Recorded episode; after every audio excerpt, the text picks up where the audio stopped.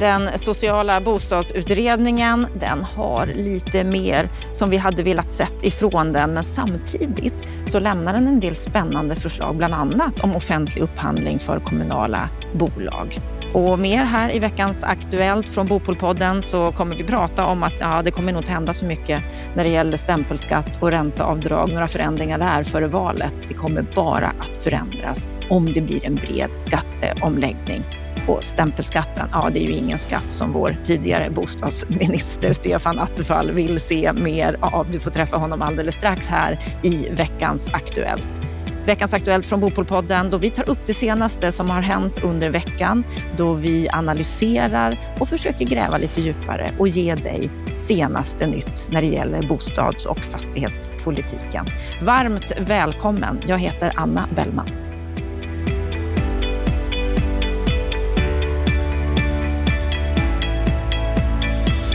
I veckans Aktuellt så börjar vi med den bostadssociala utredning som presenterades i veckan.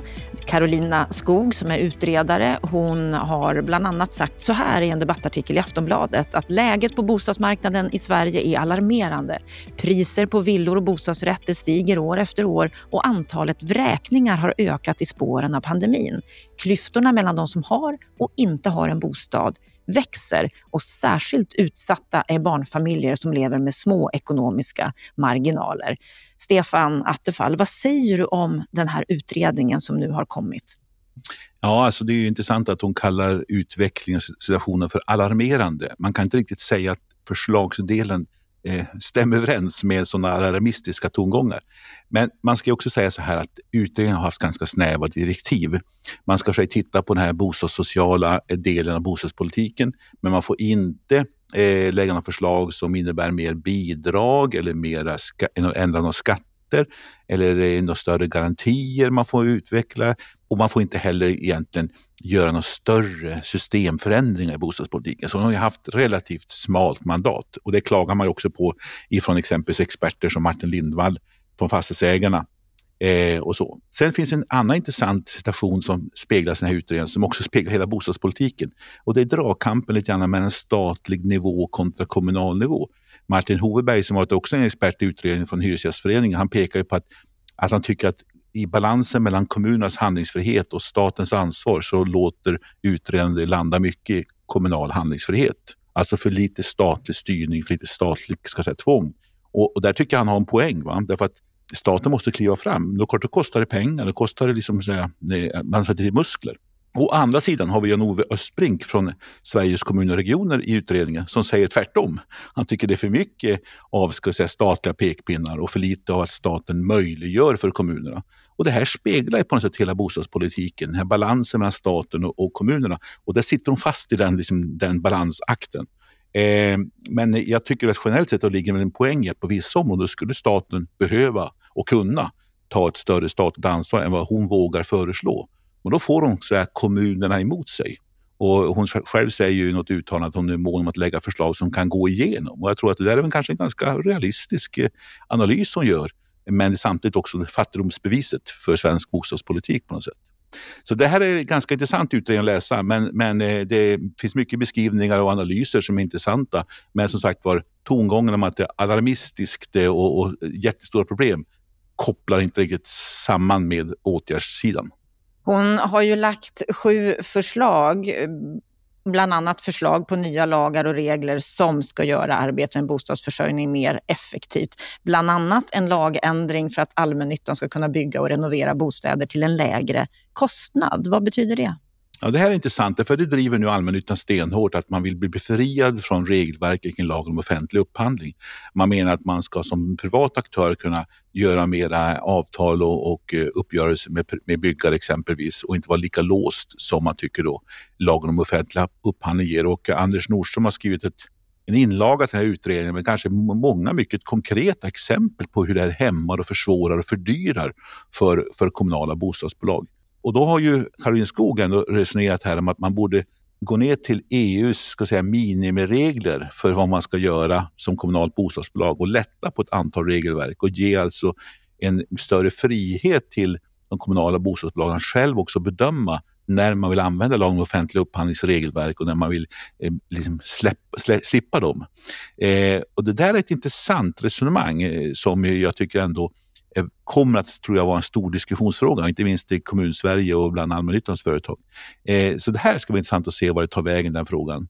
Men det finns ju även nackdelar med detta. Ja, vad är, vad är riskerna med det? För det måste det väl vara? Ja, alltså om du har ett kommunalt bostadsbolag utan, ska vi säga, de som leder företaget, de som jobbar i företag har inget ägarskap, de har ingen egen privatekonomi som hotas. Det är klart att det finns ju alltid risk att man börjar tumma på det här med, med neutralitet och med eh, att man verkligen tar det billigaste anbudet, att man eh, har en transparent process och sen så kommer det in vänskapssamband och sen så kanske det glider iväg och blir både ekonomiskt ofördelaktigt men kanske risk också för till slut att det blir lite eh, fusk och, och mygel också. Eh, det har ju funnits sådana exempel i kommunala bostadsbolag där man alltså eh, gör saker och ting som man inte ska göra därför att man kan tjäna pengar på det och det finns ingen privat ägare. Då måste revisionen fungera bättre. Men man kan också införa andra typer av regelverk som ökar för transparensen. Så man måste balansera upp, tycker jag, om man gör förändringar som jag tycker finns skäl att göra. Måste man balansera upp detta med andra kontrollåtgärder så att man inte hamnar i någon slags eh, gråzon eller kanske till och med svartzon. Ja, vi ska höra vad Carolina själv säger om just det här förslaget för att redan på måndag så kommer du att få höra henne berätta om sin utredning. Jag ska ha ett samtal med henne idag fredag om det här och du Stefan ska få kommentera även det samtalet. Och bland annat så ska hon få kommentera att Hyresgästföreningen har kommenterat den här utredningen och de tycker ju att den här utredningen underlevererar, att bostadsutredningen tar endast myrsteg, säger Marie Linder och Martin Hoveberg på Hyresgästföreningen. Ja, vi får höra vad Carolina Skog säger om den kommentaren. Vi ska gå vidare här i veckans Aktuellt med den konjunktur som vi befinner oss i just nu, där Handelsbanken har gått ut och berättat att stigande räntor, dyrare el gör att boendekostnaden i Sverige stiger med i snitt 1300 kronor i månaden. Men för högbelånade hushåll så blir det flera tusen kronor dyrare. Det här menar Handelsbanken i sin senaste konjunkturprognos. Vad tror du om deras prognos här? Ja, det var ju förra programmet i podden så pratade vi mycket om den här konjunkturen med Robert Boy och Lennart Weiss. Och jag tycker Handelsbanken, men även Konjunkturinstitutet som har kommit med sina nya prognoser och en del andra som är ute i debatten, det säger egentligen samma språk. Alltså vi får räkna med stigande räntor. Ingen dramatik om man ser till historiska fakta, men jämfört med dagens räntenivåer så blir det uppgångar som sagt från kanske någonstans det ligger runt 1,5 procent till 2,5 procent. Alltså det är en det är procentuellt en ganska kraftig uppgång, men det är inte så i kronor räknat så dramatiskt. Men det är en uppgång. Och där verkar alla prognosmakare vara överens. Och det andra de verkar vara överens om det är att det är ruskigt osäkert. Och, Ukraina-krisen och Ukraina-kriget är ju en stark skäl för detta. Men också var inflationen tar vägen och så. Men det verkar som att det ändå industrin och ska säga, produktionen tuffar på ganska bra. Eh, Medan det är hushållens oro och inflationstendens på energi och livsmedel som är den stora orosfaktorn. Och som sagt var, som jag hörde också Lennart Weiss kommentera, den här psykologiska som, som sätter sig över människors eh, köpbeslut när det gäller bostäder. Och jag delar helt också bedömningen att eh, vi kommer att ha, inte ha lika högt bostadsbyggande 2022 som vi hade 2021. Och det ska du då lägga till att vi har fortfarande bostadsbrist och nu kommer Ukraina-flyktingarna. Och vi, vi gör allt nu för att hjälpa dem med hus och mat eh, för dagen. Men många kommer att vara kvar här flera år. En del stannar här för gott. Var ska de bo?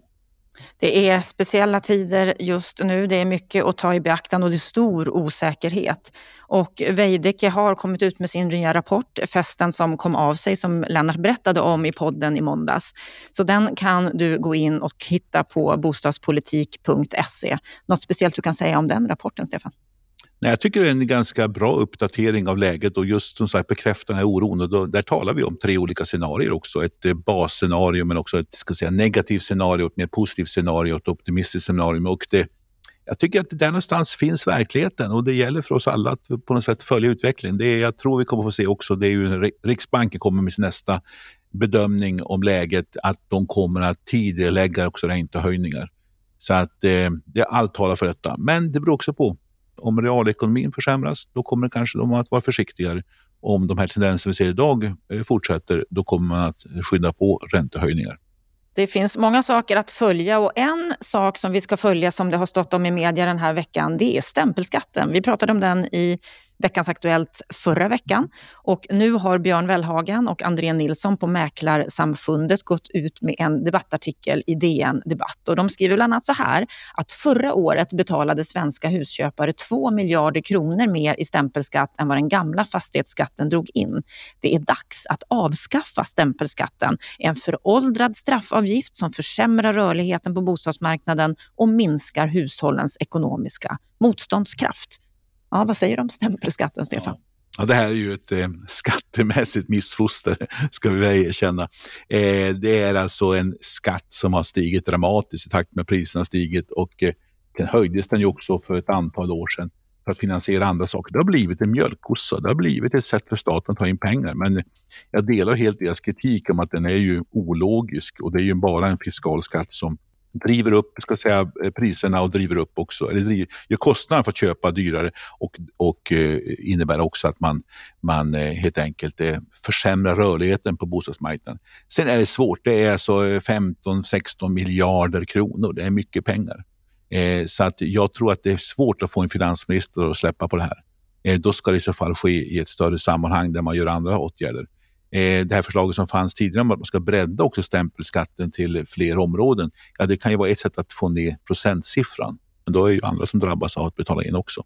Och vilka det, områden skulle det vara i så fall? Ja, det är ju andra typer av fastigheter. Vi har ju också bostadsrätter som ju inte alls drabbas av det här medan en ägarlägenhet får betala fulla eh, lagfarsavgifter och stämpelskatter. Så att det finns ju skäl att se över hela systemet. Men eh, låt mig säga så här, det, det här är det ingen finansminister kan försvara med logiska argument.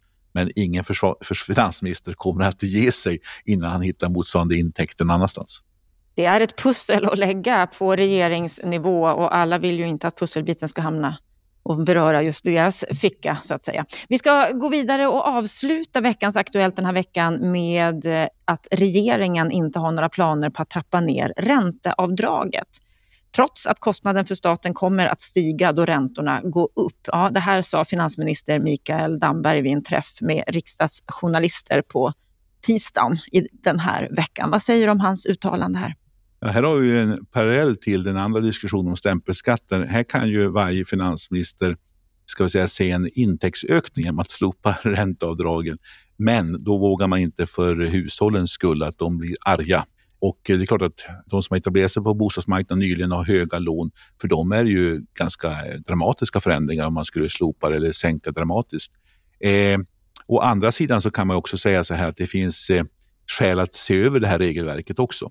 Men jag tror samma sak med stämpelskatt och andra sådana här frågor. Du kommer bara se en sån förändring när du får in det i ett större sammanhang och en bredare partipolitisk överenskommelse det är politiskt självmord att inför en valrörelse gå ut och säga att man ska sänka ränteavdragen så att folk blir oroliga i valrörelsen. Eh, men om du får till stånd någon större bostadspolitisk skattemässig överenskommelse mellan flera partier efter valet, vilket jag tror sig är ganska osannolikt, då kan du komma åt ränteavdragen och, och komma att förändra dem. Åtminstone göra vissa justeringar. Och samma sak kan stämpelskatten komma in i den diskussionen. Men också andra skattefrågor. Och då är bara frågan vad man prioriterar och jag tror i sig att eh, räntedragen ligger högre i prioriteringsordningen att göra någonting åt än stämpelskatten. Och nu närmar vi oss ju valet mer och mer. Vad tror du kommer att vara frågor som faktiskt kommer att kunna tas beslut om innan valet? Kommer vi se några förändringar? Nej, innan valet kommer det inte hända mycket. Eh, ta exempelvis nu den här utredningen från Karolina Skog. Det ska ut på remiss. Eh, sen kommer det kanske att plockas fram några delförslag därifrån, men det kommer inte ske före valet. Du har samma sak, det kommer en utredning snart också om det här med startlån. Det ska ut på remiss. Sen kommer man kanske möjlighet att avisera någon typ av viljeinriktning med det eh, före valet, men några beslut kommer aldrig fattas. Nej, det kommer inte ske några större förändringar före valet utan eh, det intressanta blir om några partier fångar upp några frågor och driver dem i valrörelsen eller om det blir som vanligt ganska tyst om bostadspolitiken. Därför att partierna inte riktigt vet hur de ska förhålla sig och de vet inte hur de ska förhålla sig mellan kommunal och statlig nivå eller ta det samlade greppet. Det är faktiskt på vissa delområden som partierna är lite vassare på, men inte på det helhetsområdet. Och framförallt inte regeringsalternativen. De stora alternativen har ingen gemensam politik. Därför blir det alla de trycker de frågorna i valrörelsen. Så att, eh, vi får nog vänta till efter valet innan vi ser om någonting händer. Finns det en risk att de här utredningarna, förslagen, remisserna, att de liksom lite grann försvinner i och med att vi har ett val framåt? Att det liksom lite grann faller i glömska? Ja, uppenbarligen. Vi har ju sett många utredningar som ligger i byrålådorna. Antingen för att förslagen inte varit genomförbara eller för att det inte funnits politisk majoritet för dem eller för att de inte på något sätt prioriteras. Därför att ska du ta tag i de riktiga större bostadspolitiska frågorna som exempelvis etablering på bostadsmarknaden, kreditrestriktioner, skattefrågor, då krävs det större grepp, det krävs eh, uppgörelser, det krävs någon typ av politiska beslut som kräver lite grann. Och då, eh, då verkar inte finnas den prioriteringen. Sen kan vissa delfrågor bli föremål för propositioner. Eh, och det kan säkert komma ur de här utredningarna. Jag hoppas ju framför att startlåneutredningen ska leda till någonting. Men vi kommer inte se någonting före det här årets slut utan det blir väl någonting som kanske händer i början på nästa år. I bästa fall. I bästa fall så händer något i början på nästa år. Vi får följa och se vad som händer på det här området. Och redan på måndag, då får du träffa Carolina Skog och höra henne själv berätta om den här bostadssociala utredningen som hon presenterade här i veckan. Med eh, detta så önskar vi dig en riktigt solig och trevlig helg.